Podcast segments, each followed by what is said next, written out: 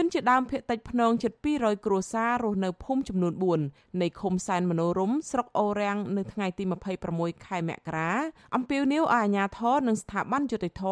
រកមធ្យោបាយសង្គ្រោះព្រៃសហគមន៍ភូមិមណ្ដងក្រឡឹងដែលកំពុងទទួលរងការកាប់ឈើមានតម្លៃដឹកទៅលក់នៅប្រទេសវៀតណាមនិងសកម្មភាពទន្ទ្រានដីព្រៃធ្វើជាកម្មសិទ្ធិអស់ជាច្រើនហិកតាប្រធានសហគមន៍ភូមិមណ្ដងក្រឡឹងលោកសុខាផុនថ្លែងថាពួកគាត់បានពឹងមេធាវីរួចហើយដើម្បីត្រៀមប្តឹងឈ្មោះម្នាក់ឈ្មោះរុនវណ្ណៈទៅតុលាការករណីរំលោភដីព្រៃសហគមន៍ជាង10ហិកតាទៀតលោកថាសកម្មភាពកាប់បំផ្លាញព្រៃឈើធ្វើអាជីវកម្មនិងសកម្មភាពទន្ទ្រានដីព្រៃសហគមន៍បណ្ដាលឲ្យប៉ះពាល់ដល់ជំរកសត្វព្រៃបាត់បង់ប្រពៃណីវប្បធម៌ និងជីវភាពអ្នកភូមិធ្លាក់ចុះបាទឥឡូវរងការបាត់បង់ដោយថាជនខំខូចកាប់បំផ្លាញព្រៃឈើលក់ឲ្យប្រទេសក្រៅបាទហើយមានឈ្មោះ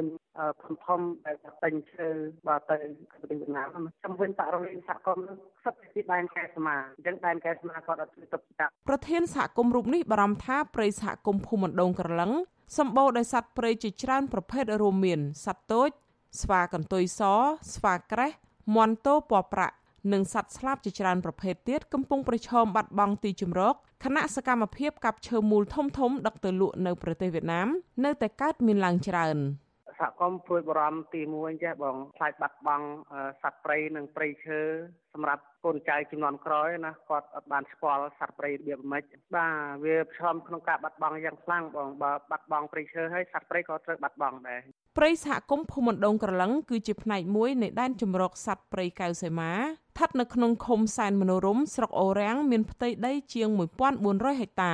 បានចុះបញ្ជីទទួលស្គាល់ដោយក្រសួងកសិកម្មនិងក្រសួងមហាផ្ទៃកាលពីឆ្នាំ2007ព្រៃសហគមន៍នេះជាបណ្ដុំនៃធនធានធម្មជាតិសម្បូរបែបរួមមានសត្វព្រៃកម្រជាង300ប្រភេទរស់នៅអមដោយទឹកជ្រោះជាង10កន្លែង។ អាស៊ីសេរីមិនអាចតាក់ទងប្រធានដែនជំរកសត្វព្រៃកៅសីមា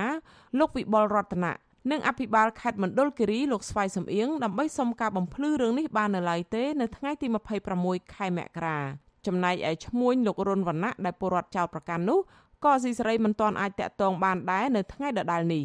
រីឯមេឃុំសានមនោរម អ្នកស្រីថ្វាន់ត្រែលវិញយល់ថាអ្នកស្រីគាំទ្រសកម្មភាពរបស់ប្រជាសហគមន៍ដែលចេញមុខប្តឹងអ្នកទន្ទ្រានដីព្រៃសហគមន៍ខុសច្បាប់អ្នកស្រីថាអាជ្ញាធរឃុំតែងតែសហការជាមួយពលរដ្ឋដើម្បីចូលរួមការពារព្រៃសហគមន៍និងរាយការណ៍ទៅថ្នាក់លើបំណងរកដំណោះស្រាយពីវិបត្តិព្រៃឈើនេះ។ មានអីពួកខ្ញុំចូលរួមគ្រប់គ្រងក្នុងសហគមន៍ហ្នឹងដែរចូលរួមចុះបាតចុះអីហ្នឹងជាមួយក្រុមប្រឹក្សាគុំខ្ញុំបើខ្ញុំអត់ចុះបន្ទាល់ហ្នឹងខ្ញុំចាត់ក្រុមប្រឹក្សាខ្ញុំចុះអញ្ចឹងណាមន្ត្រីពង្រឹងសិទ្ធិអំណាចសហគមន៍នៃសមាគមអាត់ហុកលោកប៉ែនបូណាយល់ថាការបណ្តែតបណ្តោយឲ្យមានបទល្មើសព្រៃឈើក្នុងដែនសមត្ថកិច្ចរបស់ខ្លួនគឺជាការទទួលខុសត្រូវរបស់អាជ្ញាធរពាក់ព័ន្ធនៃខេត្តមណ្ឌលគិរី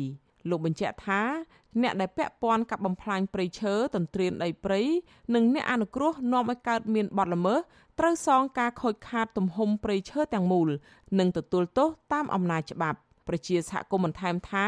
ព្រៃសហគមន៍ភូមិមណ្ដងក្រឡឹងជាតំបន់អេកូទេសចរធម្មជាតិដ៏ទាក់ទាញជួយបង្កើនប្រាក់ចំណូលឲ្យពលរដ្ឋរស់នៅទីនោះចំនួន4ភូមិជិត10ឆ្នាំមកហើយ ព្រៃសហគមន៍នេះអាចរកចំណូលបានពី20,000ទៅ30,000ដុល្លារក្នុងមួយឆ្នាំមួយឆ្នាំពីវិស័យទេសចរក្រៅពីនេះសហគមន៍អាចលក់អនុទានកាបូនដែលសាយភាយចេញពីព្រៃឈើបាន10000ដុល្លារក្នុងមួយឆ្នាំហើយថវិកាទាំងនេះបានជួយគ្រប់គ្រងដល់កិច្ចគាំពៀព្រៃឈើនិងសត្វព្រៃចា៎នាងខ្ញុំខែសុណងអាស៊ីសេរីរាយការណ៍ពីរដ្ឋធានី Washington